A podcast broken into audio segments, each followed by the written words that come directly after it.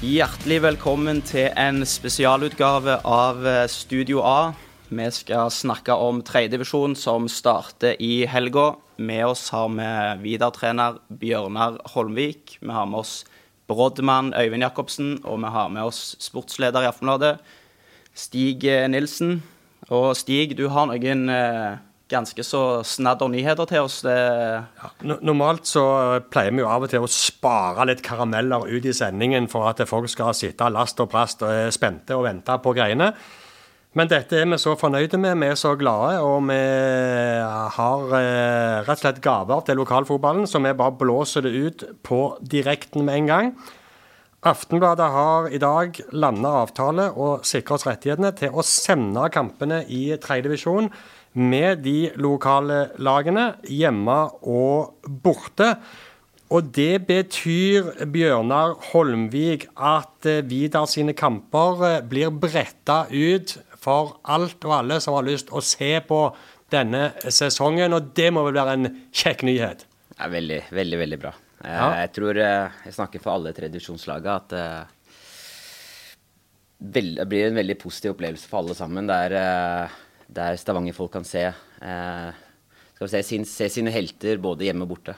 Så eh, kjempepositivt. Og Vi begynner allerede med Hinna Åkra lørdag 14.00, hvor Mats Haugland får sin debut som eh, kommentator. Og, og du Jacobsen, eh, Don Brodd lørdag 14.00, den blir òg servert. Storhaus eh, stolthet eh, i grønt skal, skal ut til folket. Ja, det er nydelig. Nå, nå har det jo vært andre aktører som har sendt tredjevisjon, men, men vår avdeling har alltid vært ignorert. Og at Aftenbladet nå stiller opp og sørger for at dette blir mulig å se både hjemme og andre lag sine bortekamper. Uh, Sjøl kommer jeg selvfølgelig til å reise med laget og, og følge med, men eh, knallbra. Det vil øke interessen enda mer. Ja, Dette skal vi behandle med kjærlighet og lidenskap og kunnskap, entusiasme og engasjement. Ja, det blir veldig, veldig bra. Eh, Og jeg ser jo fram til, og er litt spent på når jeg skal debutere som eh, Stavangers svar på Roar Stokke i helga. Ja, Kairo Lima. Det skytes! Det er bra, det. Men vi kan jo eh, ta det først, da, Bjørnar, når vi har deg her. Dette er jo første tellende seriekamp eh, siden høsten 2019. Hvordan blir det å, å komme i gang og, og endelig spille tellende seriekamper igjen? Eh, det blir jo litt spesielt i og med at man har eh, vært i et litt sånn vakuum i, i et halvannet år. Så jeg tror man, man har liksom gått inn i en sånn koronaboble, hvis man kan si det sånn. Og det å måtte få lov til å ta på seg drakta og spille en tellende kamp, eh, tror jeg blir veldig spesielt. Både for eh, trenere, spillere og lagledere og eh, resten av klubben. Men er du spiller eller er du trener? Nå er du begge deler. eller hva er du? Jeg ser deg jo både langs sidelinja med drakten på. og- Ja, etter det, siste, etter det jeg leverte de siste 15 minuttene mot start, så, så er det vel skoa på hylla, tenker jeg nå. Nå er det bra. En gang for alle. Ja. Det støttes. Jeg var på Lasse òg. Eh, Det støttes. Det er en klok beslutning. Takk, takk, takk Jacobsen. Da er tonen satt. Men, men hvordan er ståa videre nå? Hvordan ser laget ut? Hva, hva blir ambisjonene deres i, i år?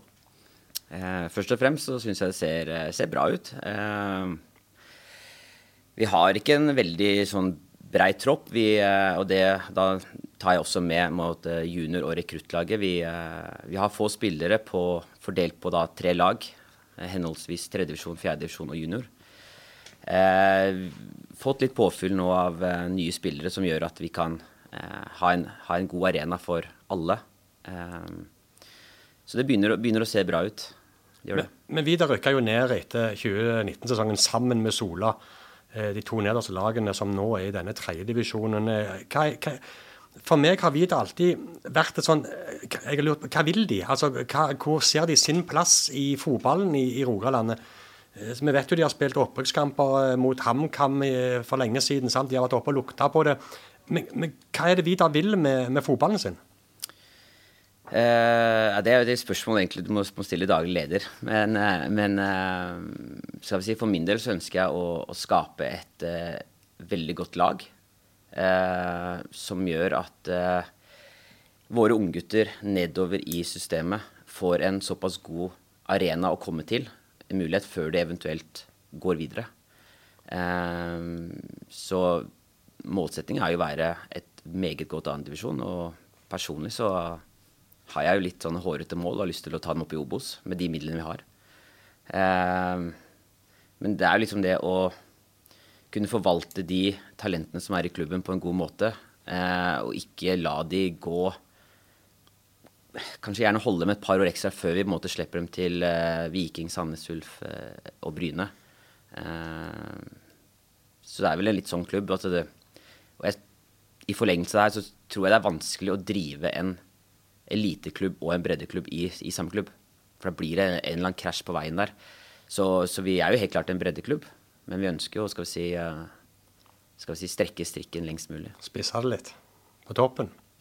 Men, men eh, du, du snakker om Obos eh, her, og, og, eh, dette blir vel første sesongen din som, som, trener etter du la opp i 2019. Det har jo blitt utsatt pga. korona, men kan du si litt om dine egne ambisjoner som, som trener? Eh, nei, jeg har, jo, jeg har, jo, lyst til å se hvor langt jeg kan komme. Eh, sånn konkret mål om å ta over en eller annen klubb, det, det, det kommer jeg vel alltid til å ha. For det, fotballen er så spesiell, så du veit jo aldri egentlig hvor du egentlig havner. Eh, Eh, så du, du, blir jo målt på resultatene. Eh, på, samme, på, like, på like linje som en, som en, spiller. Jeg har absolutt lyst til å, å, prøve meg helt i toppen i Norge, og så får vi se, ta det litt derfra. Eh, og så får vi se om jeg er god nok.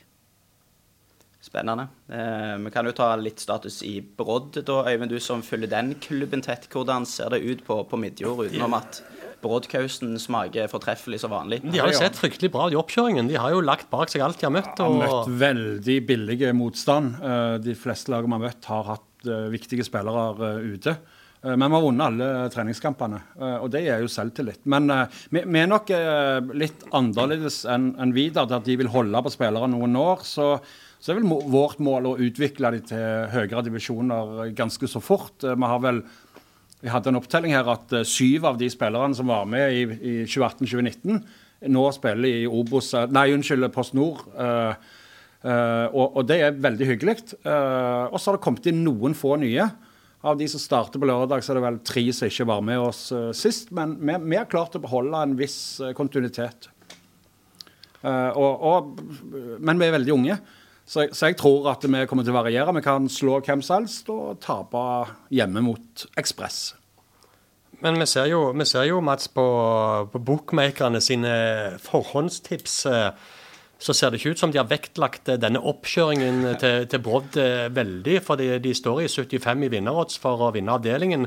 Mens Bjørnar Holmvik sitt Vidar er ranka som eh, topp to-tre favoritter eh, sammen med, med, Stål og Sola til å ta opprykk. Hvordan, hvem ser dere på som favoritt i avdelingen?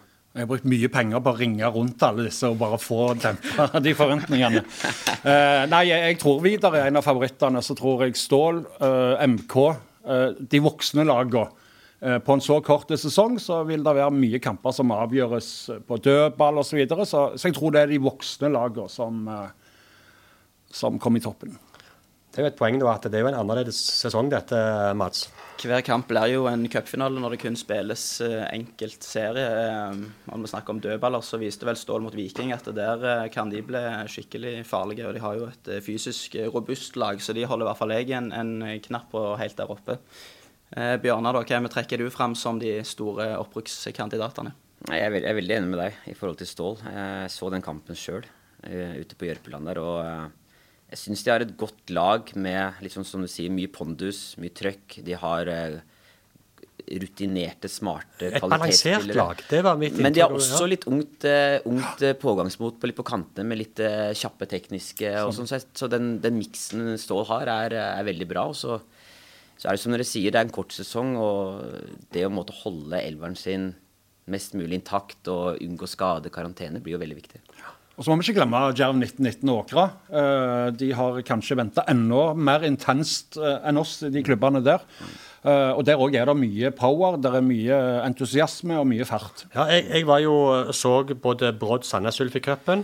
Og så reiste jeg og så Djerv 1919 mot Viking. Jeg var òg satt 2,5 meter unna Bjørnar Holmvik på, på Jørpeland og så Stål Jørpeland mot Viking. Så jeg har jo dannet meg et visst bilde, iallfall sånn noenlunde. Det har vært klart mot annen motstand, da. Men det kan jeg si med en gang. Det Djerv 1919-laget, de kom til å henge med i toppen, altså. For det òg var et lag med det var et artig lag. Det var et spillende lag. Eh, og de var veldig definerte i måten de spilte på. Eh, og de hadde, de hadde visse typer der eh, i alle ledd som, som, som var bra, altså. Og det, de kunne jo fort skåret et mål og to på Viking, de. De var et veldig utprega dødballag i 2019-sesongen. Så har de mista både trener og han Memic, og, og, nå er de et spillende lag. Mot Stål i 3-3-kampen i treningskampen nå, så spilte de seg helt bakfra og, og skårte etter 13-14 trekk i, i, laget. Veldig imponerende. Ja, nei, så det, det, det, det, er nok en liten eh, outsider, en liten joker i, i hatten. Absolutt. Jeg snakka jo litt med han Ferdinand Krohn Haaland, som er, tok over treneransvaret egentlig midlertidig vel etter han Endreide forsvant. Eh, Men nå vil de ha en permanent? Assistent i, i Start. Eh, og han sa jo det at de hadde mål om å bli mye mer spillende i år. De hadde en veldig klar filosofi som alle spillerne fulgte. og eh, absolutt en, en, kandidat til å, å, kjempe helt der oppe. Eh. Vi, kan jo kjapt bare ta de lagene, så de fleste vet jo hva som er der. Men det er, det er Broad Djerv 1919, Don, Ekspress, Hinna Madla, MK, Sola, Start 2, Stål Jørpeland, Vidar, Viking 2, Vindbjart og Åkra. Nyopprykka Åkra. Eh, det snakkes litt om, om det laget. Tapte ekstraomganger 2-3 for Sandnes Ulf i cupen. Ja, det, det, er det samme der. Eh, mye robust, eh, men òg eh, ungdommelig fart. Mye vilje. Det er en trener som lever ånde for klubben. Sønnen spiller på laget. Det er stort å, å, å spille på Karmøys beste, for Karmøys beste klubb. Prebed Fausganger er en spiller jeg har mm. lagt merke til, og som jeg syns var ganske friske mot, mot Ulf, i hvert fall. Eh Beklager at jeg eh, forstyrrer, holdt på å si. Eh, men eh, vi har en avtale klokka halv to med eh, Det er jo fem sørlandslag i denne pulja, som er litt sånn ubeskrevet og, og, lurer litt på hva Don og Ekspress og Mandalskameratene Start 2 og Vindbjart står for. Det er jo en spesiell sesong fordi han er kort, men òg fordi at eh, de har ikke spilt siden 2019. Eh, så vi skal ta oss og Vi har gjort en avtale, som sagt, med med Daniel Aase, som er eh, lokalfotballekspert eh, og jobber for Federlandsvennen. Tidligere startspiller, har vært innom Vindbjart, eh, som er i avdelingen. Høre hva han kan rett og slett kaste litt lys over disse sørlandslagene. Så vi prøver å ringe opp han, for han var på jobb og hadde tid å snakke et par minutter hvis vi ringte han halv to. Hallo, Daniel. Hallo, Daniel Aase. Det var ifra direkte inne i podkasten til Aftenbladet her, eh, hvor vi sitter sammen med prominente gjesper, eh, gjester i, i eh, lokalfotballen. Og eh, når vi kommer til sørlandslagene, så, så sitter alle bare og, og ser på hverandre. Eh, og da trengte vi at du kunne gjerne hjelpe oss litt gjennom disse fem eh, sørlandslagene som skal ut i Norsk Tippingligaen avdeling 3 mot uh, Rogalandslagene. Hva, hva, vil du si av disse Don Ekspress, eh, Mandalskameratene, Start 2 og Vindbjart? Hvem tror du er best av de? Ja, først og fremst må jeg bare si tusen takk. Det er jo en ære å bli invitert av dere. Og det har jo etter ryktene en av Norges hyggeligste fotballspillere i Bjørnar Holmvik i studio. Det, så ja, først og fremst en ære der. Og så eh, kan jeg si sånn for sørlandslagenes del at eh, det er nok noe svakere enn det vi så i 2019. Der var det jo flere av lagene som kjempa i toppen. Både Vindbjart ble nummer tre og MK nummer to. Og det kommer vi nok eh, dessverre for sørlandslagene i år ikke til å se på samme måte. Det er spillere som er forsvunnet fra de fleste av lagene. og det er relativt eh, tynne tropper. Så jeg ser ikke for meg at disse favorittene fra, fra Rogaland skal, skal, få noen sånn skikkelig utfordrere i toppen av tabellen. Men eh, hvis vi skal gå gjennom ett og ett lag, er det sånn du tenker? Ja, så vi kan, vi kan ta litt kjapt om, om, lagene. Don de har jo eh, de har jo vært i Rogaland eh, og, og henta litt hjelp for å styrke laget sitt, har vi hørt rykter om. Ja, de, de, har jo kanskje det mest uforutsigbare laget. De hadde en kjempefin eh, cup kamp mot Jerv, hvor de holdt på å slå ut eh, et av de beste lagene i Obos-ligaen nå for et par uker siden. Eh, de har utrolig mye studenter og er liksom et litt sånn uforutsigbart lag som kanskje som vi egentlig hadde gjetta skulle rykke ned i 2020. Eh, og så har de imponert litt med å få tak i en del spennende typer som gjør at eh, de ikke nødvendigvis blir det, det slaktofferet man kanskje trodde tidligere. Så Rolf Martin Skånhoft har eh, ja, organisert et lag nå som, kan, som ser småspennende ut, men som, som, nå kommer til å kjempe på nedre halvdel og kjempe om å holde seg i divisjonen. Ble nummer 11 i 2019. Eh, spiller Fredrik Strømstad og Doffen der, eller? Nei, det er ingen, det er ingen sånne, sånn sett kjente profiler med på det laget der nå lenger. Det er mye ukjente navn. Selv for oss som er herfra, så er det ja, studenter fra Vestlandet og Østlandet og Trøndelag som, som preger store deler av laget. og Det er ikke noe sånn Eh, ja, det er, det ikke noe ganske profilløst sånn, sånn eh, sett herfra, men det er jo, de har en stopper der som, spilt, som dominerte mot eh, Willis Furtado og gjengen i Jerv. og Ligner veldig på Harry Maguire i spillestilen, så han kommer nok til å få merke, merke nærværet eh, i kampene i, i løpet av sesongen. Det høres bra ut. Ekspress da, det er jo et lag som jeg personlig kjenner fryktelig lite til. Ja, altså De har ikke fått prøvd seg ennå i tredje divisjon. De rykka opp i 2019. Og så eh, hadde de egentlig et veldig sterkt lag. Eh, Henta mye spillere fra Jerv og Arendal, som er både blanding av ung og, eh, ungt og erfarent. Men så har de dessverre mista i denne fasen som har vært mellom eh, der f.eks. Eh, Bjørnar har fått tak i eh, Simen Aanonsen eksempel, fra å styrke laget kanskje i, i mellomtida, så har altså Ekspress mista en del spillere både til til Arendal og til Jerv og andre steder. Så de, de har et rutinert lag. Mye 30-åringer fra, fra, området som holder. Tobias Olsvik og Steinar Berås er jo tidligere Jerv-spillere som, som, er å se opp for i Sondre Ruberg Kristiansen fra Arendal. Noen sånne spillere som er å se opp for. Men det er først og fremst også et lag som, som kommer til å kjempe De har en målsetning har de sagt da, om å kjempe midt på tabellen, men jeg tror også de skal, skal måtte jobbe i nedre del av tabellen. Mandalskameratene, da. Er det, er det på tide at de får et oppsving igjen? Og komme seg ja, tilbake altså de... som Sørlandets stolthet. Det var jo en periode der de var, de var bedre enn Start. Ja, de kom i båter fra Mandal i 2001, da MK slo Start tre ganger i løpet av den sesongen der. Eh, 2003 var det kanskje. 2003 var det. Og eh, en ung Fredrik Strømstad og Kristoffer Hestad ble knust av Amanda Litter. Og, og den tida her er dessverre ganske langt unna eh, for MKs del. Men de satser ungt. De har veldig tydelig, så de kommer heller ikke. De ble nummer to i 2019. Man skulle kanskje tro at de er en sånn klar opprykkskandidat, men, men det ser litt for tynt ut til at de kan være med og kjente ut eh, helt opp i toppen. De kommer til å prioritere å slippe til en del unggutter, spennende unggutter. Eh, så MK, så skulle jeg tatt et tabelltips, eller nok satt MK på en eh, fjerde-femteplass, kanskje. Eh, et spørsmål fra sida når vi snakker om MK og satse ungt. De, de her to eh, Jeg husker ikke helt navnet. Tor Olve Fagnastøl og en eller annen eh, rutinerte. Ja. Spiller de igjen og holder de koken? Ja, så jeg må si det at Selv når jeg spilte i Vindbjart i 2009 og 10 og 11, så var det jo alltid snakk om hvilke av disse gutta her som hadde gjort comeback denne gangen. For at de sluttet jo og begynte igjen sånn annenhver måned. Torolve Fagnastøl og Tom Sagerbakken og gjengen. Og nå, altså, nå, skulle jeg på humoristisk vis da spørre trenerne sine om hvordan det gikk med disse spillerne her, og spørre ja, skal de gjøre comeback igjen. Og jo da, han kunne fortelle at alle hadde gjort comeback allerede i år, de òg. Så, så Tom, Tom, Sagerbakken på 46 og Stein Ove Abrahamsen på 48 og Torolve Fagernesstøl er i full sving ennå. Men og det er ikke tull engang. De holder visst seg i god form, men de er ikke i den første elveren som jeg har sett at de skal prioritere, i alle fall eh, utover sesongen. Så hvis vi har lyst til å begynne å spille fotball igjen mens vi sitter i studio her, så skal vi til Mandal? Er det det du prøver å si?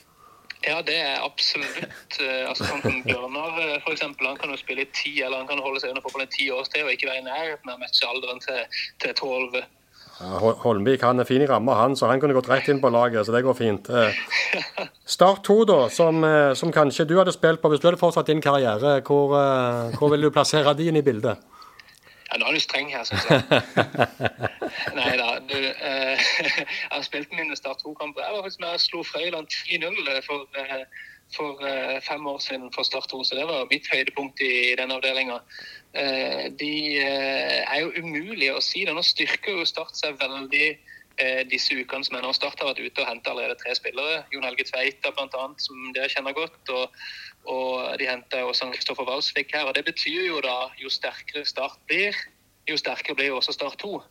For at eh, Start har kanskje hatt den dårligste benken i Obos-ligaen, eh, eller det har de til nå i sesongen. Men, men det er klart når de henter nå fem, seks, syv spillere i dette vinduet som kommer nå, eh, så blir det også et bedre Start 2-lag. Så det blir nok veldig uforutsigbart. Og de som skal møte de i første runde, er kjempeheldige. fordi at eh, Start har tatt ferie, og det vil si at det blir et veldig veldig ungt lag man møter der. og Sånn tror jeg nok sesongen kommer til å være prega av de lagene som møter Start 2. At eh, de møter plutselig et eh, kjempesterkt lag, og så møter de et desto svakere lag neste uke. Så det er sånt, en joker. Ja, denne, Det er jo denne evinnelige utfordringen med disse to lagene i eh, i divisjonssystemet. Og så vet vi jo at Start har fått inn 20-25 millioner nå for salgene av Jesper Daland. og videre salgsprosenter på Kristoffer Eier. Så som du sier, så skal de eh, styrke A-laget sitt nå. og Da, da blir det jo fort eh, at B-laget òg blir, blir styrka når noen skal ned og holde formen ved like på dette Start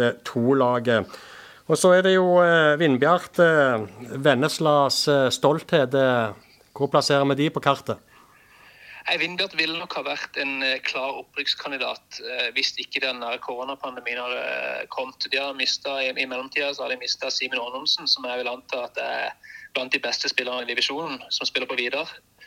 Uh, Mustafa Omar Keilik har også gått den veien. De har mista Emil Pedersen til start uh, og ikke klart da å erstatte som det er naturlig. Denne, det har ikke vært lett å hente spillere heller i denne perioden. Så, så, de har nok gått fra å være sånn, den klareste opprykkskandidaten i avdelinga til å bli et lag som er veldig sårbart for skader. Og som jeg tror nok at for alle lagene i divisjonen så blir det beintøft å komme til Mosheimoen og ta poeng. De er gode på hjemmebane og spiller fin fotball, men de er, de er sårbare. og de de, eh, ja, de har 12-13 eh, mann kanskje som virkelig liksom er, eh, holder godt nivå, og så er det litt tynt bak der. Så Vindbjart ville jeg nok plassert på en fjerdeplass, kanskje, hvis jeg skulle ha gjetta i dag. Nøyaktig samme plassering som de fikk i 2019, altså hvor Fløy gikk ubeseira gjennom sesongen og, og rykte opp fra, fra, siste sesongen hvor det ble spilt fotball på, på det nivået.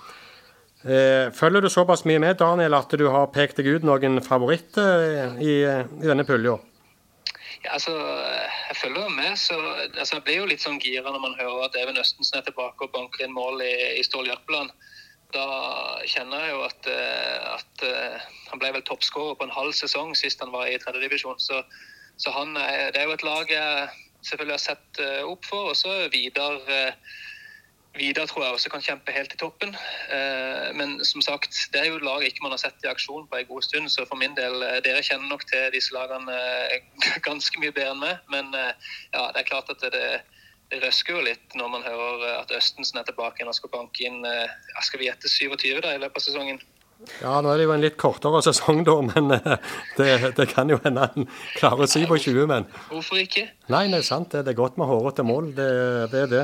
Nei, men eh, Hjertelig tusen takk, eh, Daniel Aase. Takk for at du eh, ville dele kunnskapen din med våre lokalfotballelskere og lyttere. Det, det, er jo, det, er jo, lenge siden de har spilt fotball, så det var godt å få en oppdatering på disse fem sørlandslagene som skal ut i, i samme avdeling som, som, våre lag.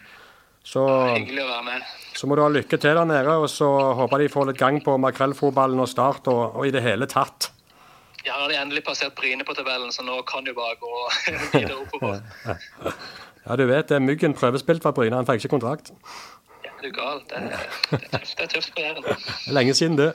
Ja, men Godt, Daniel. Takk for praten. Greit, takk for tida. Ha det godt. Ha det bra. Han peker på Vidar, han eh, Holmvik, eh, som en av eh, Jeg må si det sjøl. Jeg òg har en feeling på Vidar i år. Jeg vet ikke helt hvordan jeg skal forklare det. Hvorfor tror du, Det er mange som snakker om det. Hvorfor tror du det er sånn? Eh, det er et godt spørsmål. Bortsett fra at de altså, har rykt ned fra divisjonen høyere. Da. Det er jo ofte at de eh, naturlig er blant favorittene, men eh, jeg føler det er litt sånn, noe litt sånn solid, litt robust, at Vidar er i ferd med å gjerne kan gjøre en god, god sesong. Ja, vi, vi håper det sjøl. Vi har jo, skal vi si Jeg er veldig enig i at de lagene som rykker ned, ofte har et Får et automatisk favorittstempel til å rykke opp, og ofte så ligger det en ligger en satsing i bånn når man rykker ned for at man har lyst til å komme opp igjen. Eh, men nå skal man huske på at eh, jeg tror det er eh, tre spillere fra det laget som rykka ned, som er hos oss i dag. Så det er jo et helt nytt, helt nytt lag.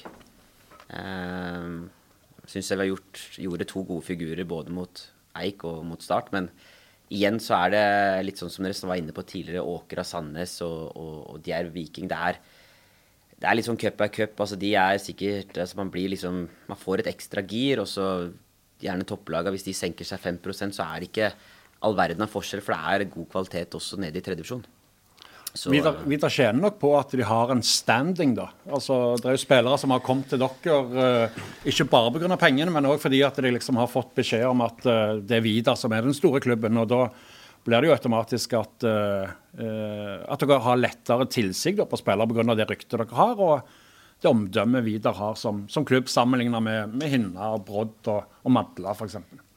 Betales det i tredjedivisjon? Jeg vil vel ikke si, jeg vil ikke si at det er grunnen til at vi har det laget vi har i dag. Eh, jeg har vel vært veldig på at vi har eh, vært veldig aktive sjøl med å skaffe folk jobb. Eh, sånn at de har et levebrød ved siden av fotballen. Det viktigste for meg er at folk som kommer til Vidar, også skal vi si, har det godt utafor banen. Så lenge vi har det godt utafor banen, så er det lettere å lykkes på banen.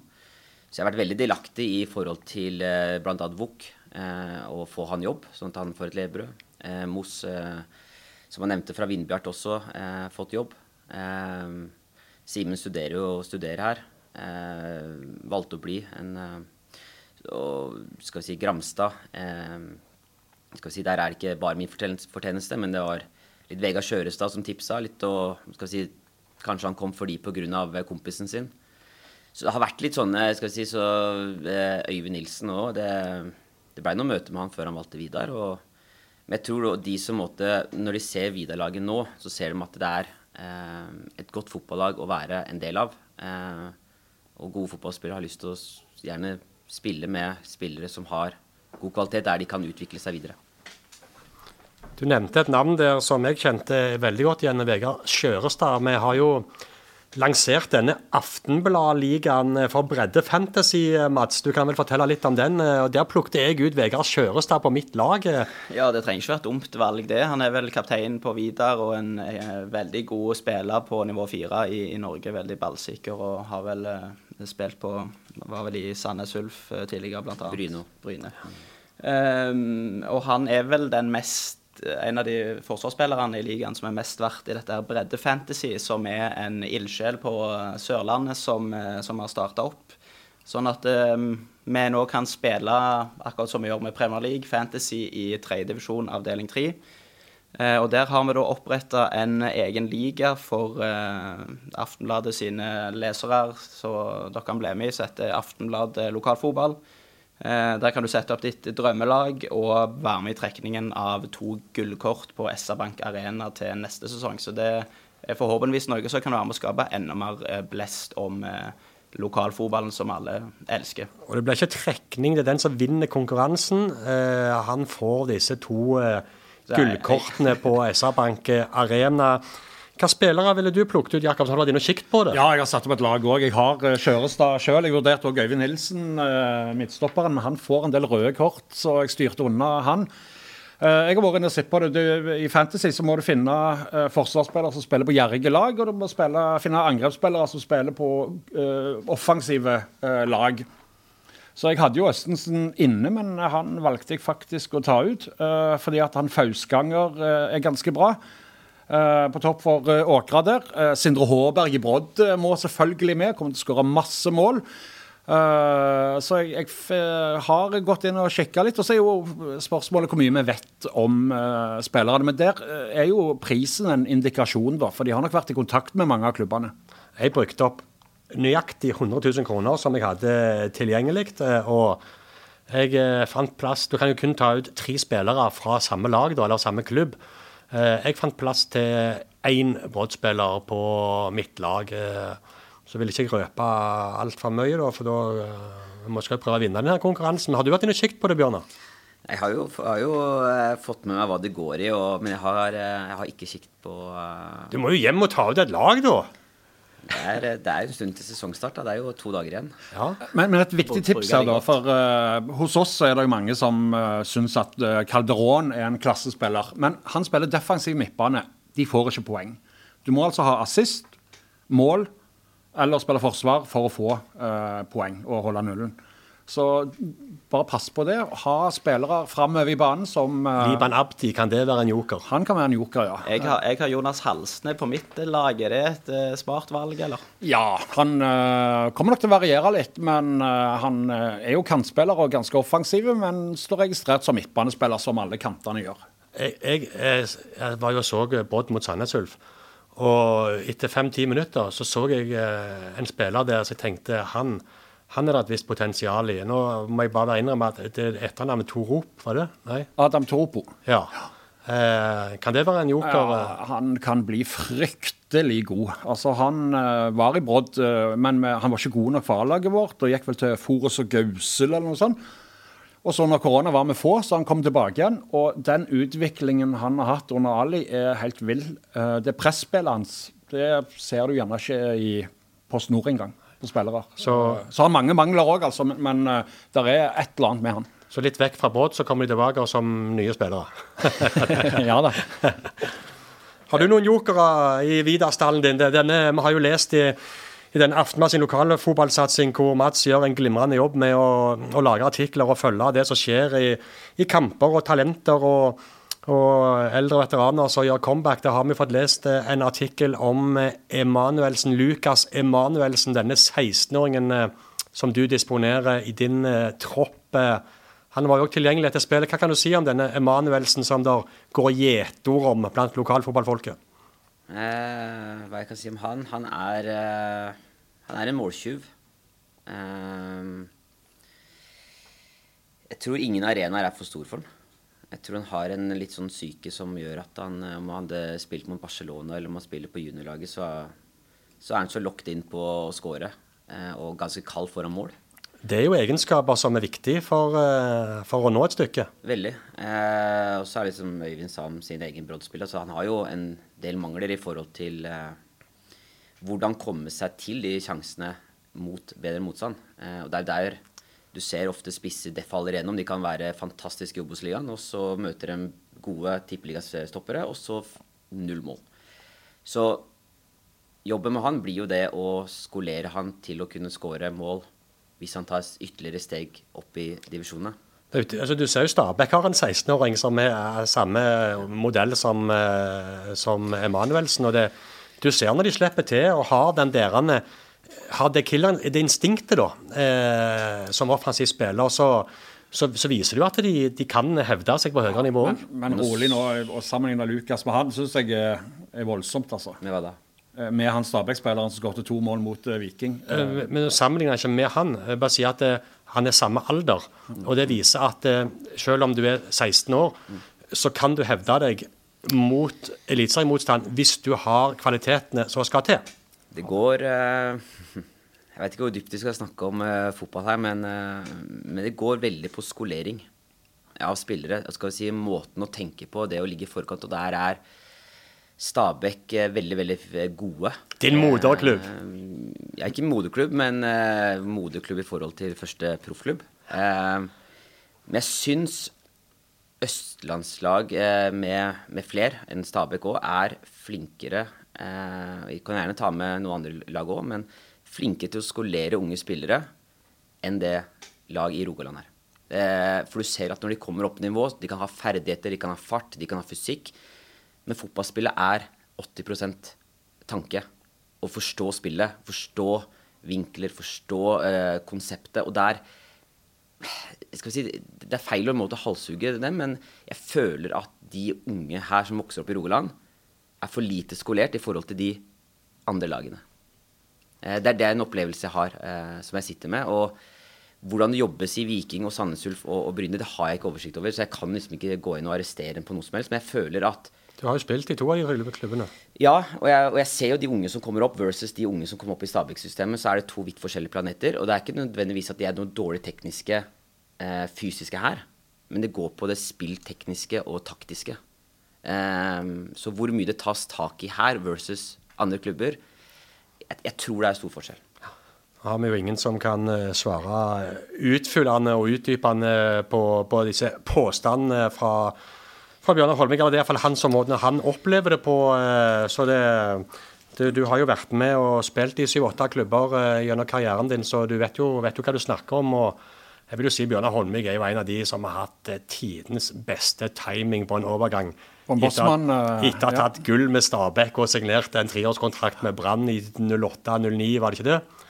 det? Så Bjørnar har vært ute i fotballverdenen og, og vet hva han snakker om. Ja, han vet sikkert mye mer enn oss som kan snakke om på det, på det han nevnte òg. Men, men jeg syns jo at eh, vikingspillerne nå etter hvert er veldig eh, skolerte. Eh, vi ser en Lasse Berg Johnsen som ikke kommer med i, i A-lagsstallen til Viking og spiller en knapp sesong i Raufoss og er fast i å spille Europacup nå. Eh, det, kommer fram eh, ganske mye spillere her òg på, i, i Rogaland. Jeg vet om en fra Bryne som heter Erling Braut Haaland osv. Så, videre, så eh, noen blir der. Ja da, det, det er sant. Det er, mer generelle betraktninger sikkert fra Holmvik. Kostadinov som spiller i Stabæk eh, f.eks. er vel òg skapt Jeg kan, jeg kan fortsette diskusjonen med, med, som Jacobsen eh, nevnte med, i forhold til Haaland nå, men eh, jeg vet ikke Ja, du, du spilte vel denne kampen, men han gjorde ikke det? Eh, Jeg har spilt med Erling. eh, Ja, i 2016 da Bryne rykka ned. Eh, da kom vel Erling inn som innbytter som 16-år, gjorde han ikke det? Stemmer det. Ja. Nei, Jeg spilte med Erling, og øh, ja, skal vi si, det er farlig å sammenligne, Øyvind, eh, som du sa. Uh, men det er litt som i forhold til han Lukas Emanuelsen, så ser jeg veldig sånn mentalt sett veldig mye likheter i forhold til dem. Veldig uredde. Uh, veldig sånn De har øye for goal. De er veldig kalde, på, kalde foran mål. Uavhengig, sånn som med samme med Erling. Om han møtte Fredrikstad på hjemmebane, eller om han møtte hvem han møtte på de innhoppene han hadde i Obos-ligaen, så ekstremt uredd. Litt sånn der, hadde litt attitude. Men han var jo en, han var jo en spjæling. Men han, han, det valget han tok med, og, og den muligheten han fikk med å gå til Molde, fikk der, de gode rammene rundt seg, fikk bygd opp med kroppen sin og sånne ting. Eh, det har hjulpet han, og han sammen med faren og, og teamet rundt eh, tatt veldig riktig steg for å bygge den eh, skal vi si, kompetansen, fotballforståelsen og musk muskulaturen og sånne ting. Men den, den mindsettet til Erling har jo vært ekstremt fra han var bitte Det, liten. det er jo sulten, først og fremst, i mitt hode. Altså, det der han er alltid ny, ny, nye mål, nye mål. Men Ja. OK, nå er vi langt inn i Ja, eh, nå er vi langt inn i Nå Nå er vi på har sporet gått av her. Mange lag som vi ikke har snakka om ennå. Det var en stund siden han forlot lokalfotballen og Åseland og og Bryne 2, så, det, så vi, får, vi får holde oss i sporet. Det, det er nå du skal dras inn på rett spor, Mats. Vi må jo snakke om Sola, Hinna og Madla. Viking 2 har vi heller ikke vært innom, så vi kan kanskje begynne med Hinna. da. Hva, hva tror dere om de i, i år? Eh, ja, nå har jo begge laga møtt dem. Jeg tror vel begge også møtte dem på et tidspunkt der de hadde litt skader, og eh, noen av profilene var vel Har ikke trent så mye som kanskje Hinna skulle ønske. Så mm, det blir spennende å se hva de har gjort de siste ukene, om de har fått litt oppsving på de Det er jo et nyopprykka lag, da. Jo, men de har litt kvalitet i det laget også. Eh, både på, kant, på kantene og sentralt, og de har noen rutinerte ringrevere. Men om de er godt nok trent og, og litt sånne ting, det, det gjenstår å se. Men de har vært litt sånn rufsete, kanskje. Ja, De har en fin elver, og så tror jeg det er tynt eh, bak der. De har jo òg hatt et trenerskifte. Rikard Bjerge måtte gi seg, fikk ny jobb i Tyskland.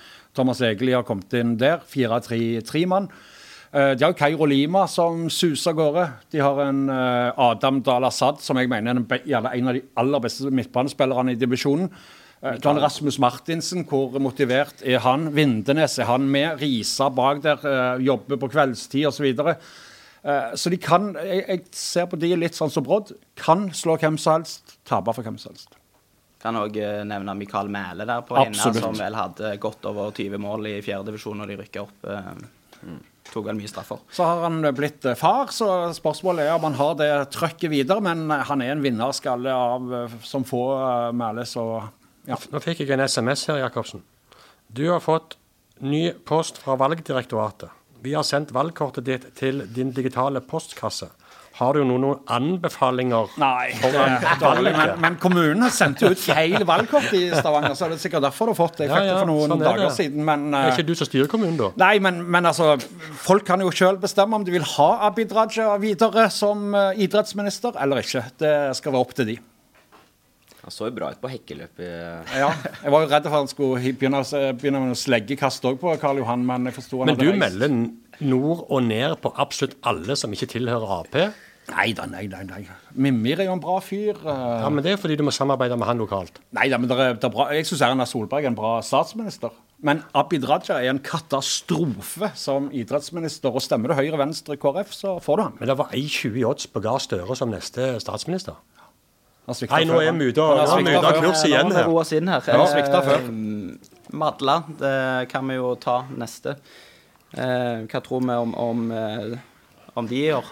Hadde du spurt meg for ei uke siden, så hadde jeg sagt de går rett ned. Men uh, nå har de styrka seg litt. Uh, Hva har skjedd? De fikk Marte Sveingård fra Egersund, meget bra midtbanespiller, tar mye plass. Uh, og så brukte de mye juniorer mot eh, Viking 2, og, og de leverte. De har en del sånn bohemer, Talge og osv. osv.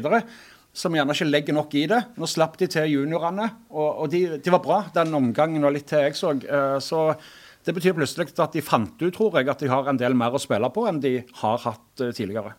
Ja, så har de fått en keeper òg, på lån fra Sandnes Ulf, som har eh, Markus Vassøy Nilsen. fått noen Obos-ligakamper i beltet der. Det er som Øyvind sier, så har de litt rutinerte ringrever der med, med Talge og, og Preben Erland. Og. Er det gamle folkets lagheltene vi snakker om her? Ja, men altså, de, de, de veit jo aldri. skal si, det er, de de veit hvor målet står, og får de sjansen, så, så sitter han. Og eh, jeg så litt av den kampen mot Viking 2 òg. De, de ser bedre ut enn enn for et par uker siden. Og, og Preben Erland, altså, øh, han vet hvor målet står. øh, så Han har på- skåret mot Viking, han. For folkets Ja, jeg lag. det. Et innlegg, fantastisk. Høvring fossa opp langs høyrekanten. Et fantastisk innlegg. Preben Erland steig til værs på første stolpe, nikte knallhardt i krysset. Hundvåg-duoen eh, Ja. skapte det. Ja, ja. Han skåret jo fire mål på en omgang i Brodd Verdenes òg for noen år siden. Eh, men, men han er avhengig av at det er folk rundt han som springer. Og så kan han avslutte, da smeller det altså. Eh, Jakob Jørgensen, veldig spennende spiller i, i, i Vidar, som gjerne tar litt av den jobben som Preben Erland er avhengig av. Hva er det med lokalfotballen her eh, i vårt distrikt, som det er så mye føss og interesse og, og galskap rundt det? Det er jo, det er jo noe egen, det er jo noe- helt egent. Eh, det var det jeg egentlig bemerka først, når jeg måtte, skal vi si, fikk litt mer røtter her i, i Stavanger. At det, hvor sterkt den egentlig lokalfotballen står. Eh, satt liksom tidlig med en følelse at folk vet mer hvem som spiller på Brodd og Vidar og Hinna, enn det som faktisk beveger seg på, på Jotto der. Eh, Når Judas tok piruetter på parketten, så satt du og så fjerdedivisjonskamper. det er liksom eh, For, i Oslo så har, er ikke det står sterkt. Og det, i, i, eh, i Stavanger og Sandnes sånn, så står det vanvittig sterkt. Og det var egentlig veldig kult. Eh, Du ser liksom litt De som følger lokalfotballen på Facebook der, med, med Øyvind i spissen, selvfølgelig. Men, men du ser liksom kommentarer hvor, hvor mye folk veit. Eh, ganske, ganske kult. Og nå har, Der har jo eh, du òg vært inne nå på Facebook og oppretta noe nytt, Mats. Ja, der har vi lagd ei Facebook-gruppe som heter Mål. Aftenbladet sin storsatsing på lokalfotball. Så der håper jeg så mange som mulig som er glad i lokalfotballen, følger med og blir medlem. Og jeg vil bare påpeke det da, at det er ikke meninga at vi skal drepe noe engasjement Ja, skal dere prøve fra å gå inn konkurrere oss ut? Men kan ikke du bare trykke på noen knapper, Jacobsen? Skal kjøpe hele gruppa? Så jeg, eh, overfører du Jeg de kjøper den, det- jeg selger Er jo ikke ikke det den. 13 000-14 000 Jo da, medlemmer? jo da. Og lojale medlemmer. Det er ikke fullt av folk i Somalia og sånn som er, som er bare kjøpt, liksom. Det er folk som følger med. 13 000-14 000, er det ikke det som er medlem i Ja. lokalforbundet? Ja. Kanskje, det var, kanskje det var en fordel for Vidar å gå ned et hakk for at de skulle få bli en del av dette sirkuset? Ja, men, men, jo, men men annen faller jo bitte litt imellom akkurat der. Ja. Det sportslige er jo det viktigste. Ja, jo, for alt i verden. Men vi skal jo også huske at, eh, som også, at annendivisjon også har jo fått et løft med den A-mediasatsingen også eh, de siste årene. i forhold til Nå, nå avbryter vi her. Nei, men, at, men, men det er jo også et Du ser at det hadde det kanskje ikke vært for at de også tok den, så hadde kanskje ikke Aftenbladet heller også gått inn på nivå under. Eh, så eh, skal vi si det, det begynner å røre seg litt, eh, litt over et, et, eh, et stort spekter her, og det er jo kjempepositivt. Vi skal eh, sende kamper i fjerde, og femte og sjette divisjon og lure Ålgård Ja, ja, i ja, august. ja. Der er en, en ny tribune. og Ja, og Det er jo veldig viktig for interessen for tredjedivisjon. På samme måte som interessen i tredjedivisjon òg, tror jeg, genererer interesse for uh, toppfotballen. Absolutt. Men eh, det kan jo jeg si som har jobba litt med det og skrevet om lokalfotball nå de siste månedene, at uh, interessen er jo helt eh, enorm. Altså, du, kan, eh, du kan nå ut med en Fiskås-sak eh, på, på det nyoppstarta laget i 7. divisjon til ganske mange tusen. og det er Veldig kjekt å se. Og det sier mye om hvor, hvor sterke standing lokalfotballen har. Men vet du hva jeg syns var veldig kjekt å se? I går så var vi og dekte Viking Haugar første runde NM for kvinner på SR Bank Arena. Vi la ut en artikkel om hvordan det gikk, med ferske bilder og sånn og sånn. I løpet av et par timer 5000 hadde lest den artikkelen. Altså 5000 personer. Det er eh, ganske identisk med det som eh, ja, iallfall ikke mye mer som har vært på en del av kampene til A-laget. Så det, at det er en sånn at det kan bidra til å øke interessen, som du sier, Jacobsen. At det, det avler interesse, og at det brer seg. og at det kommer hele fotballen til gode. Det er jeg veldig sikker på. Men det, altså, det, det er kjempetall. Men jeg tror det kan hjelpe både kvinnefotballen og herrefotballen, altså, skal si, som er på breddenivå. Det å måte, skal vi si, de spillerne som er up and coming, og gjerne kanskje da skal si, få vist seg fram eh, for toppklubbene, som ikke har mulighet til å se kampene. Nå får de plutselig se dem på, eh, på nettet og få se hva det går i. Og og det er jo deres eh, fortjeneste. Ja, Dere har jo skrevet litt, og jeg var jo bare Jeg satt fast i noen blautkaker eller bløtkake, ostekaker i går. men hvis Gratulerer med overstått. Takk. Hvis ikke så hadde jeg vært på stadion og sett eh, den kampen mot Haugar. Ja, for Kristoffer Løkberg var vel spiker. Var det Løken som gjorde det, ja? Okay, ja. tror det endte opp med han. De spurte meg eh, tidlig, så sa jeg jeg skal gjøre det eh, hvis jeg skal spørre igjen, men eh, akkurat i, Jo, i for går eh, Daglig leder Eik Bjørne skrev på Twitter at han hadde tenkt å gjøre det sjøl. Så hadde Løk sagt det er bedre han tok det, Løkbakk tok det, enn at Bjørne bomma, og sånn ble det. Det overrasker meg ikke. Eh, Sola. Vi har et par eh, lokale lag igjen. Eh, Sola, ja. Men det går litt Eh, jazz innimellom, Ja, ja, ja, det må være lov. Eh, Sola er jo òg et spennende lag. De har jo veldig store ambisjoner. De har vel uttalt mål om å rykke opp. De er jo nedrykka sammen med Vidar fra 2019-sesongen. Ja. Og eh, de har jo mista en del spillere siden den gang, og har vel òg hentet inn en del. eh, men det målet om opprykk, det, det står. Hva, hva tror vi om Sola i år? Eh, det er litt som du sier. Eh, de, de er jo De er et bra lag, uten tvil. Eh, Sander Rystanes fløy. Han er forsvunnet, ja. Eh, er jo et, er jo et tap for dem. Og så Det var ikke så lenge han var der. De har vel fått inn Herman Rugeland på lån fra Bryne der, tror jeg, så, um, som en ganske direkte erstatter for, for han. Så har du Vetle Hellestø også, som eh, studerer i Oslo. Så får vi se hvordan skolegangen hans går i høst. Eh, får se hvor mye Sola får nytte av han. Eh, en meget god spiller. Som de mest sannsynlig håper at skal spille alle 13. Så får vi se. Så så jeg i Kampfaktaen at det var en ny Sebulonsen på laget. Hva er dette? Er det Den yngre bror, ja. Ja, men eh, hva har han å by på? Det, kan han gå i sin storebrors eh, fotsko? Jeg har aldri sett den, men jeg så Sola mot uh, Madla, og jeg er jo glad i Øystein Elvestad og Mikkel Bekke, men uh, Nå må du melde akkurat det du tror og mener. Ja, jeg satte en kraftig strek over de som en opprykkskandidat. Uh, Det var uh, Jeg skal ikke si tynn suppe, men jeg, jeg, jeg savner vinnerne hos de. Altså de som kan avgjøre kamper. Jeg ser de skryter av keeperen sin. OK, han kan sikkert gjøre noen gode redninger.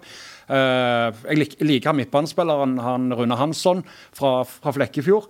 Eh, Johannes Hinna vet vi jo at eh, hvis han skade, holder seg skadefri noen kamper, så kan han eh, gjøre det bra, men Jeg må nevne Simen Berntsen òg, tror jeg, på topp der. Eh, Når han er skadefri og, og i form, så er han fort eh, en av de beste i tredjedivisjonen, i mine øyne. i hvert fall. Om det var han som var på havdyr før, og vi tok med på Folkets lag som Han har et, 16-åring. jeg tror han har 98 mål på eh, omtrent like mange kamper for, for Havdur. Kanskje litt mindre kamper, faktisk. Nå kommer sikkert han til å skåre hat trick mot Brodd, men han tror jeg er lett å, å, å, å stoppe med bare falle litt, uh, falle litt av. Uh, nei da, nå er jeg veldig kritisk, men, men uh, Jeg har Sola på åttendeplass. Ok, Ja, jeg har de òg rundt der, altså. eh, I uh, Skjømda med mange andre lag. De er ikke i nærheten av å kunne utfordre eh, opprykksfavorittene, er min påstand. Sånn, nå meldte jeg. Som Brodd. Som Brodd. Og som opprykksfavoritt, altså. Nei, vi er ikke opprykksfavoritt. Vi er ikke i nærheten av det. Vi, Vi, vi er veldig kamp i oppkjøringen. Ja, men Vi har tre spillere som er over 20 år, liksom. Det, det, det er syltynt. Eh, med tanke på det. Men, Det men på vårt beste så er vi gode. Vi- Men lapskausen er bra. Den er ikke tynn. Vi rundspilte jo videre i siste kampen før korona, og jeg eh, tror fort at vi kan slå videre igjen i en enkeltkamp, men vi er ikke seige nok over en hel sesong. Det er godt å rundspille videre når du ikke har ballen, men eh, Det var 2-0. Uh, det var ikke det. Vidar har knapt en målsjanse. Jeg har lov å fire litt. Deilig at det meldes litt. Og Stig, når vi snakket om denne Brodd-kausen, den fikk jo du smake når eh, Brodd tok imot Sandnes Ulf. Får vi et terningkast på den, eller? Det var utvilsomt terningkast seks. Eh, og det eneste som var Det var fantastisk å være på den kampen, fantastisk mat. Det eneste som irriterte meg, det var alle de fluene som angrep deg mens du satt og spiste. Ja, så. Det skjer et eller annet på kjøkkenet vårt. Vi blir ikke kvitt dem. Så sprang det to unger rundt med sånne, sånne tenniskøller med strøm i greiene.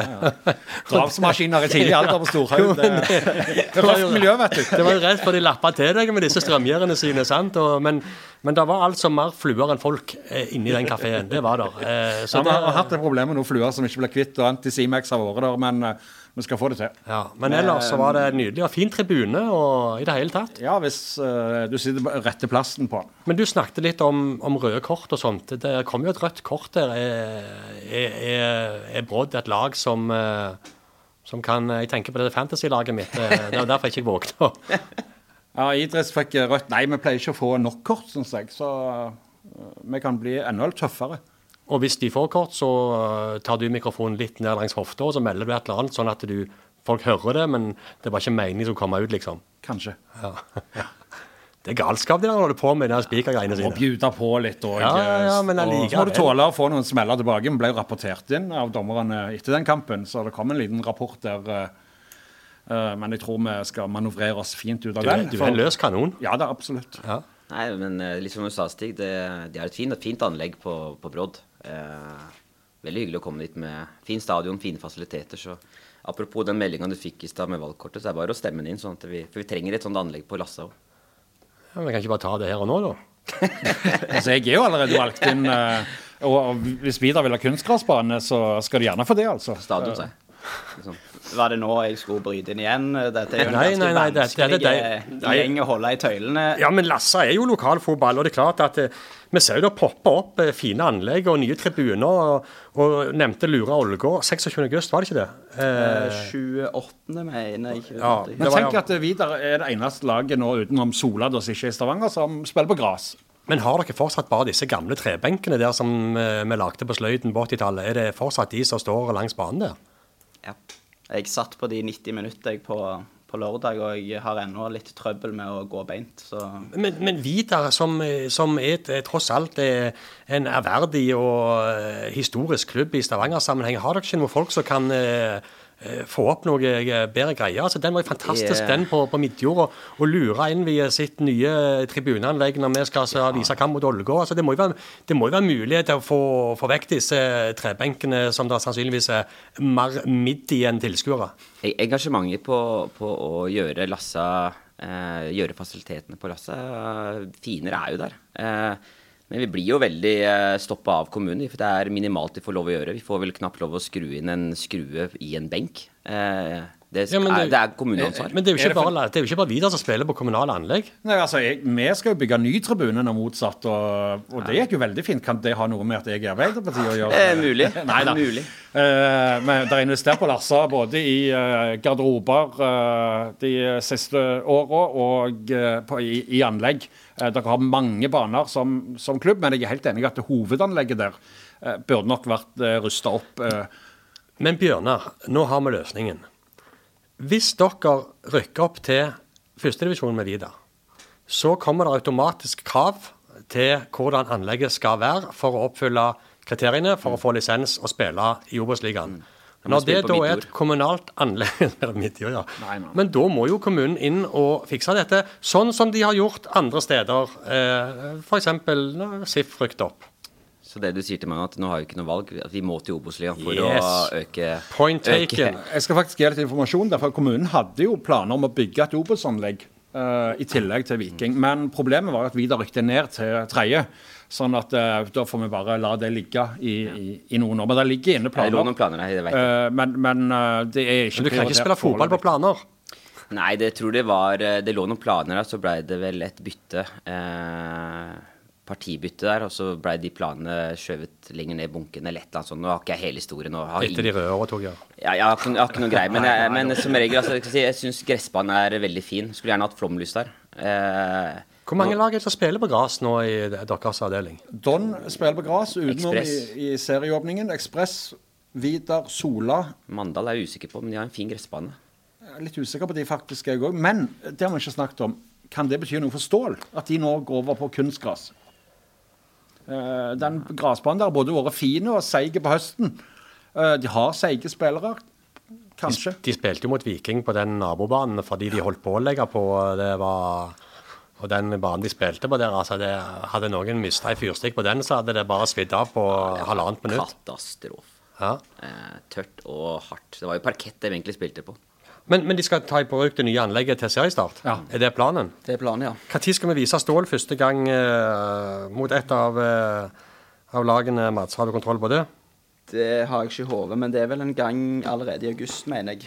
eh, Når de tar imot et av de Stavanger-lagene som vi har rettigheten til å sende. Det er ikke mot brodd, for vi, jeg tror vi avslutter mot de. Viking 2, muligens. Men du Mats, som er, som er jo lokalfotballguruen vår eh, og, og leder dette, denne storsatsingen i Aftenbladet, hva, hvem er din favoritt? eh? Til å rykke opp. Ja, Det, som jeg sa innledningsvis, jeg holder jo en knapp på Stål, eh, nettopp pga. det erfarne laget og, og at de er fysiske og vonde møter, som jeg tror blir veldig viktig når det er så korte sesong. Men jeg, jeg er jo litt enig med deg. Jeg syns Vidar ser eh, sterk ut. Veldig mange spennende spillere, så jeg legger òg litt press over på, på Bjørnar. Men Stål har jo, skal det endelig lykkes for Stål, altså, de har jo vært blant opprykksfavorittene i mange, mange år. Og nå har de fått tilbake De, de mangler vel bare Morten Bjørlo og uh, en til som ikke kommer på nå. Så har de henta alle Jørpeland-guttene tilbake. Bringaker. Bringaker, ja. Sigve Kleppa Kristiansen er jo tilbake igjen. Uh, Even. Eh, David Eie. David Eie. eh, Georg Danielsen er vel òg tilbake. Ja, ja, ja. Så, så de, de, ja, de, de kan bli veldig bra. eh, og de kommer til å være stabile. Men jeg, jeg gjorde en feil der på fantasy-laget mitt, Mats. Som du gjorde meg oppmerksom på.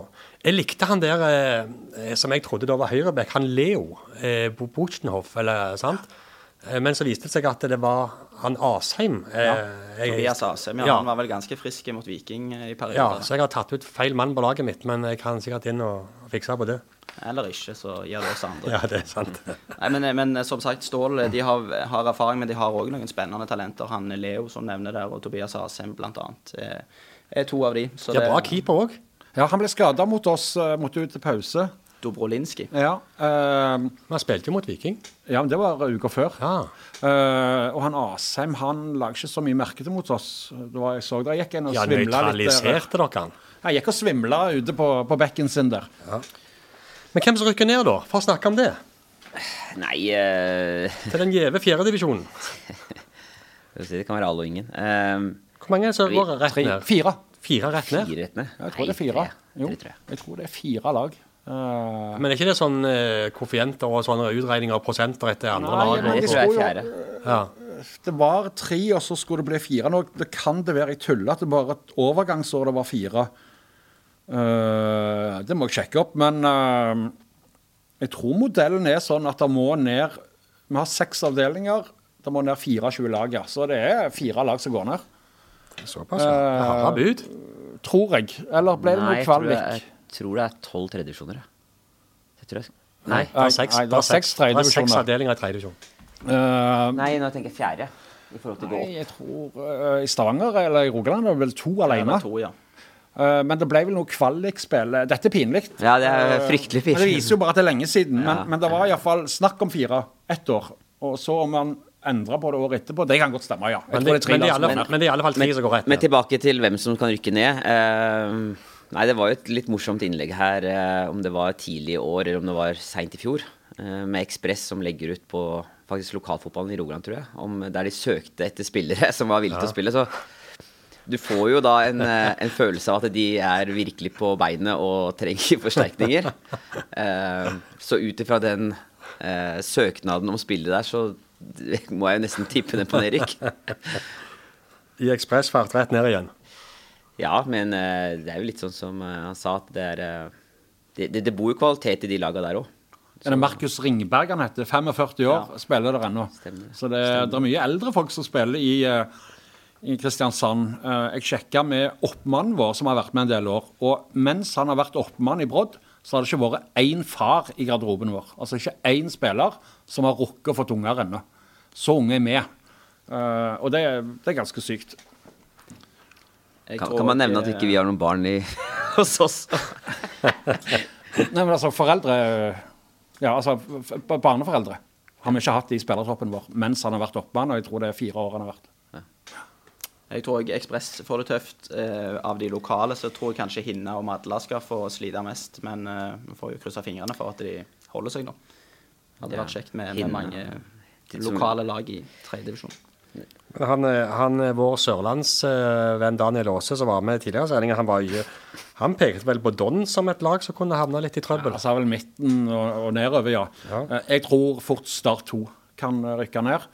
Eh, For de ungguttene de har, er ikke all verdens, som jeg har sett. Men så slo altså juniorlaget deres Viking 4-0, og det var et tynt eh, Start 2. Ja, det var det. Eller Start junior. Det var, det var det han sa, Daniel Aase, at eh, jeg tenkte å kontre med det når han sa at de har sendt dem på ferie, så de var heldige de skulle ta Start 2 i, i, første kamp. Men det var òg tilfellet før den kampen i går, eh, som vi hadde tenkt å sende, faktisk, men droppet det fordi at Start hadde sendt eh, omtrent hele laget på ferie og ikke tok det på alvor. Likevel vant de 4-0 mot Viking sine juniorer. Eh, men én ting som jeg lurer på, er eh, når det gjelder lokalfotballen. Vi har jo hørt disse historiene om, om hvordan spillere blir signert. Nå tok jo du oss med litt inn i kulissene, Bjørnar, på, på måten du har jobba på i Vida.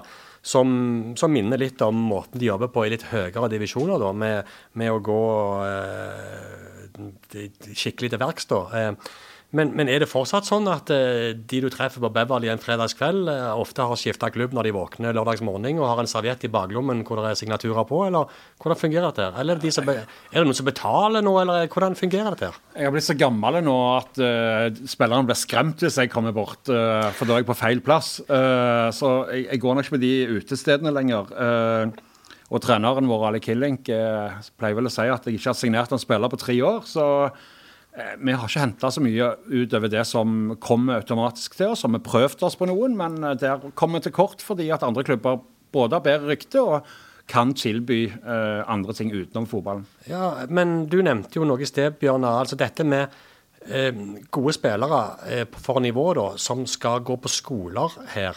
Hvordan snapper dere opp sånn? Du fortalte gjerne at, eh, at Kjørestad hadde hatt et lite ord med laget der på, på Gramstad, var det det? Men, men, men følger dere med på sånne ting? Altså, Blir dere tipsa om at han har søkt på petro, som petroleumsingeniør i Stavanger, og, og at han kan spille fotball, eller hvordan fungerer det? Det er vel en sidemann her som går gjennom de skolelistene, tipper jeg, hvert år for å undersøke. Han har jo, nå har jo han eh, muligheten til å gå gjennom eh, lister over hele linja som ikke jeg har tilgang til. Men eh, nei, det, det er jo litt sånn, litt sånn tipsing og, eh, og litt uh, Ja, skal vi si, du veit jo litt hva som beveger seg her. Uh, men uh, skal si, det er alltid det er litt sånn som på elitenivå. Det er litt tilfeldigheter og litt, litt av alt, egentlig. Jeg, jeg har ikke tilgang til noen lister. Det er jo du som tildeler skoleplass. Nei, nei, nei, nei. Universitetet har ingenting å gjøre, men det jeg gjør da det, eller har Spiller du, gjort, vil du spille for Brodd? Nei, da kommer ikke du inn. det jeg faktisk har gjort på mitt på for noen, det jeg har gjort på mitt galneste for noen år siden, det er å gå inn på hybel.no og finn.no og se på alle som søker etter bolig, og så google de og se om de finner de eh, inne. Men eh, det har ikke gitt så mye resultater, altså. Det er kreativt, da. Ja, det har ikke gitt mye resultater. Det er veldig kreativt. Ja, Nei, det, det er bra. Det, men jeg skjønner jo at det er kamp om de beste spillerne òg på nivå fire. Ja, nå er vi jo på en måte litt, litt sånn spesiell setting her. Jeg vet ikke om det har skjedd, før på, i hvert fall på mange år. Nå hadde du i hvert fall i 2019 så hadde du i hvert fall Sola i andredivisjon. divisjon. Det var vel, De rykka vel opp i 2018, så de hadde ett år der. Men også Hinna rykka opp i år. Altså Du har plutselig syv lag, da, inkludert av Viking 2, som kanskje ikke kan regnes med, seks, men seks lag da, i tredjedivisjon som kjemper om litt de samme spillerne. og det, det, det er jo ikke Det er ganske mange lag i en så liten region, egentlig. Og, det, og Da er spørsmålet om eh, det da er banen da for eh, Stavanger-laget.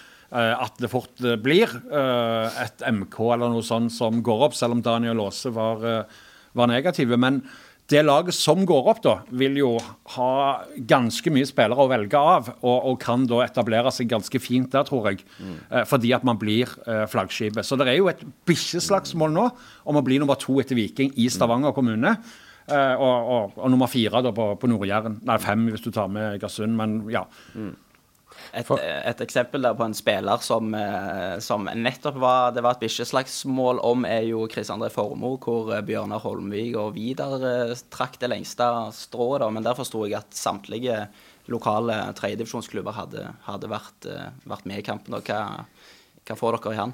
Eh, først og fremst, jeg, vi kommer, Jeg jeg vil, si, kommer, jeg vil si hva får han? Ja, eller hva får han? Jeg, skal si, jeg spilte jo med Chris André i, i Sandnes Ulf i, i 2019. Eh, og når det ble klart at jeg skulle ta over ansvaret i Vidar, så, så, var jeg, han, eh, så var jeg på han allerede der. Eh, og var på han eh, hele preseason her, og han trente jo med oss. Eh, så fikk han en mulighet, eh, snakka med Oshan, som er en god venn av meg. Eh, Egersund-treneren. Egersund-treneren. Eh, fikk, eh, ga Chris et tilbud der, og jeg forsto det at han Det er helt greit å ta sjansen der. Eh, så han var jo med oss i, eh, i to måneder, tror jeg, før han valgte Egersund. Eh, så har jo Shan også nevnt at Chris også kanskje var på vei vekk. Men ville jo egentlig ikke ta kontakt med han før jeg hadde fått Før det hadde blitt offentlig og jeg hadde spurt Oshan. Så jeg kom jo egentlig litt seint. Oshan sa jo at hvorfor har du ikke tatt kontakt før med han? Men så sa jeg det at jeg ville ikke ta kontakt før det var offentlig, og at jeg hadde snakka med deg. Gentleman. Jeg, jeg, prøver i hvert fall. da. Det, det, er det, det er ikke alltid det går, og det kan være godt hende at jeg har gjort noe feil, men jeg prøver i hvert fall. Eh, så best så lar seg gjøre. Eh, men hva, hva Chris, eh, Chris er en, jeg syns han er en veldig interessant spiller.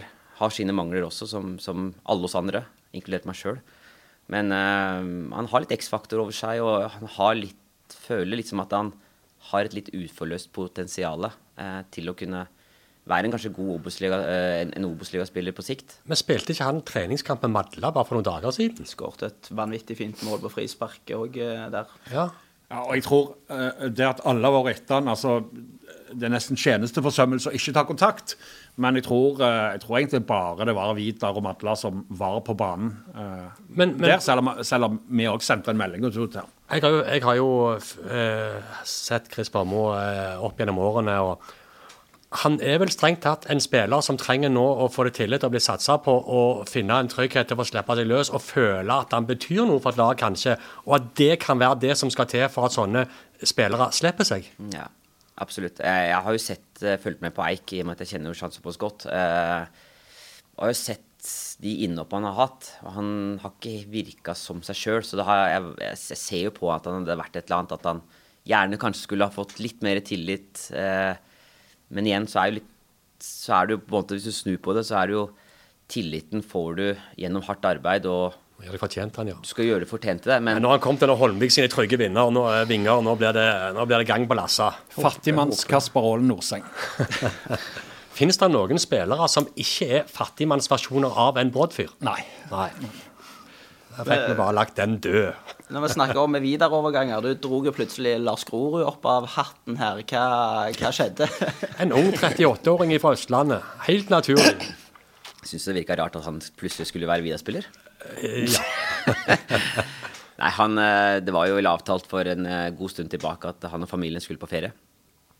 Eh, og har egentlig tulla litt med han at han At man skulle gjerne ta en, eh, vi skulle ta en siste, siste match eh, sammen mot Eik når han først var her. Eh, vi, vi var jo i cupfinalen i 2011 sammen, så tenkte tiårsjubileum det, og cupfinale i 2021 eh, kunne vært bra. Nei, så skal vi si, så var det vel litt, eh, litt jeg og litt eh, fruen hans da nå skal vi si, tulla litt fram og tilbake. Så var han med på trening, og så fikk en overgang der på en amatørkontrakt, og så spilte han kampen og, og dro hjem. Jeg trodde det var et veddemål eller noe sånt. Jeg. det kunne vært. Ja. Men du Jacobsen, du var jo ute og meldte litt i sosiale medier eh, og var litt kritisk til dette stuntet fra Holmvik og, og Vidar. Ja, jeg prøver helst å ikke mene så mye om andre klubber, men gjerne mer om eh, forbund og dommere og sånn. Men sånn som den sto i Aftenbladet, så tenkte jeg hva i all villeste verden er det som eh, skjer her nå? Begynner eh, Bjørnar Holmvik å bruke dette som sin egen tumleplass? Eh, henter en kompis som er på besøk for et tiårsjubileum, og, og skyve noen andre spillere på på benken, så jeg gikk eh, ganske kraftig ut. der, Men uh, så er han en luring, i Holmviken. Så han heiv han på benken og bare heiv han opp for å rydde litt på slutten. og da Men det, men gikk det det ganske jo, bra. men det var jo etter han hadde lest reaksjonene på hvordan det hadde blitt. Nei, jeg hørte litt om de reaksjonene til, til Jakobsen. Jeg har ikke lest det sjøl. Men nei, si, jeg hadde aldri gjort det hvis, eh, hvis, vi, eh, hvis vi ikke hadde vært så tynne som vi var. Vi hadde en Øyvind Nilsen som var på en jobbtur eh, og var borte. Eh, så vi var, vi var veldig unge og veldig tynne i den kampen. Og vi mangla en eh, forsvarsspiller. Eh, så skal vi si Jeg er enig med Jacobsen. Jeg hadde ikke erstatta han mot en annen hvis vi hadde vært litt mer fulltallige til den kampen. Og ut fra andre rundekampen hvor han heiv inn seg sjøl, så er det kanskje bedre at de har brukt han Grorud. Ja, det, ja, det Skal vi si Spurte om han, uh, ville fortsette denne- dette eventyret, da. Men uh, nei, en rolig seks timers tur fra Tønsberg, det tror jeg ble vanskelig. Han er ubeseira i cupen i år, da. Han har ubeseiret i cupen. Ja. Eh, Hvor lenge spilte han? det var vel kvarter et eller annet, tror Ja. jeg. Var det han holdt? Det holdt godt. Nei, vi, skal vi, si, vi spilte jo en eh, 5-4-1-formasjon der han fikk ligge i midten og, og, og renske det som kom av innlegg og, og situasjoner. Og Så Det har han gjort i hele karrieren sin. det har han gjort i hele karrieren i Sandefjord. Eh, så det er, det er ikke mye, mye løpemeter, men det er mye dueller, da, som også koster krefter. Så det klarer han. Har vi snakket om de fleste lagene og Viking 2? Jeg vet ikke hvor mye tid vi skal bruke på, på akkurat de. Eller eh, der, eh, der hefter du øyenbrynene, Bjørnar. Nei, altså, jeg vil tenke litt sånn som vi snakker om eh, ulike lag, både med Start 2 og, Viking 2, så er det jo litt sånn Du veit aldri hva som kommer. Nå sa jo Daniel at de signerte en fem stykker til A-laget og sånn, og kan gjerne forsterke seg litt på, på to lag, men A-lagene til Viking og, og Start de har hatt tøffe kampprogrammer. Det er karantener, det er skader, litt sånn ymse. Og hvor mange sender dem ned? Er jo det som måte, Plutselig så kan det komme et fryktelig ungt lag mot Brodd og et litt voksent lag mot oss. Eller motsatt. Jo, eller motsatt. Og så, og så neste gang så er det litt en god miks. Det er litt sånn, litt sånn Kinderegg. Jeg tror de har, eh, Viking 2 har gått på en smell. For de har, prøvd, de har ikke fulgt med i timen eh, på fristene. sånn at eh, kampene ble jo lagt til lørdager. Så de tok kontakt bare for noen dager siden og ville flytte til mandag da, for å bruke A-lagsspillere. Og da sa vi nei, og så er forbundet kobla inn. Så vi, vi får se. Eh, Og så møter de videre på en mandag, tror jeg muligens. Ja, det gjør mandag. Nå på mandag, ja. Hvorfor sa du nei? Trodde du var en medgjørlig mann. Ja, så nei, så men, altså, vi har lagd terminlister, sendt ut, lagt eh, Du vil ikke ha A-lagsspillere på Midjord. Det er ingen klubber som har møtt hardere Viking 2-lag pga. meg, tipper jeg. Nei da. Eh, så Even Østensen har vel spilt tre, alle tre toerkampene mens han var i Viking, og skåret i alle. Så Men det er jo en, det er jo, nå får jo altså Rekruttlagene til eliteserieklubbene de var jo satt sjakk matt eh, i fjor. Eh, de hadde jo ikke noen arena til å holde seg eh, formen ved like på, da, eh, kamparena. Så nå får jo de spilt på et helt annet nivå da, enn i 2020-sesongen. Og når du ser Viking nå, som, som har altså Når de har fått Mai Traoré òg inn nå, klar i troppen, så begynner det jo å bli litt offensive spillere. Altså, ser vi for oss kan vi se for oss Tommy Høiland på Viking 2 i år? ja, det gjerne. Eh, det tar jeg gjerne imot. Holmvik eh, rister på hodet. Ja, jeg tror ikke han kommer til å spille så mye. Han, Men han er, jo, han er jo langt bak i køen på topp i Viking. Jo, men eh, for meg, så, for meg, sånn som jeg ser på Tommy, og kjenner Tommy, så, så ser jeg han som en viktig brikke i det vikinglaget. Eh, kanskje han ikke har eh, den killeren og den, den, det målsnittet som han kanskje skulle ønska for en vikingspiss, men attityden hans eh, og den skal vi si, den atmosfæren han bringer i- til det laget, da, det er noe Viking virkelig trenger. Det er jeg enig i, men jeg, jeg tror ikke Tommy Høiland lar seg motivere av å komme til Midjord på en mandag. Nei, eh, ikke Forblåste. Midjord. Uh, så, så han må gjerne spille. Og så er det begrensninger hvor mange de kan bruke over en viss eh, alder. Er det ikke tre over 21 eller noe sånt? 23. 23? Ja. Såpass, ja. OK. Men, men jeg mener jo Torlaget har vel egentlig sånn sett en fordel. og De har jo kont eh, trent med kontakt nå i halvannet år mens breddefotballen har vært stengt, og de har vel spilt eh, aldersbestemte kamper. Så sånn sett så, så kan de jo få en forse der, da. Og Derfor så har de ikke lov å rykke opp eh, i år heller, eh, disse to lagene, men de kan rykke eh, ned. For i 2019, som er den siste sesongen som ble spilt eh, på dette nivået, så vant Fløy suverent 19 poeng foran Mandalskameratene, med Viking 2 på tredjeplass. Eh, Og der havna Brodd på en solid niendeplass, eh, Jacobsen. Det Og har mista mange spillere etter det, og fått inn noen, men eh, ikke veldig mange som forsterker det laget vi hadde. Så vi er nok en på, på papiret svekka, men eh, så tror jeg det er få klubber som har jobbet like godt som eh, oss under koronaen. Eh, vi har en veldig dyktig trener, Ali Killing, som har eh, fått struktur, eh, disiplin. og det kan være en forse for oss. Og så rykte Vardnes eh, ned i 2019, som betyr at vi ikke får disse knokkeloppgjørene og banestormingen og rivaliseringen mellom Verdenes, VBK og Brodd. det, det ble jo en flau bris når Brodd ble bedre. Eh, så, så ble jo de oppgjøret oppgjørene vanna helt ut. Men det, det, var, det ble altså en styresak ut av disse uh, sakene. Jeg ble bortvist fra, fra stemmen uh, eh, i, en, i en kamp der hvor det ble håndgemeng, Ja. altså slagsmål. Ja. Uh, og, og det har vært mye røde kort. Og Men hva gjorde du på banen?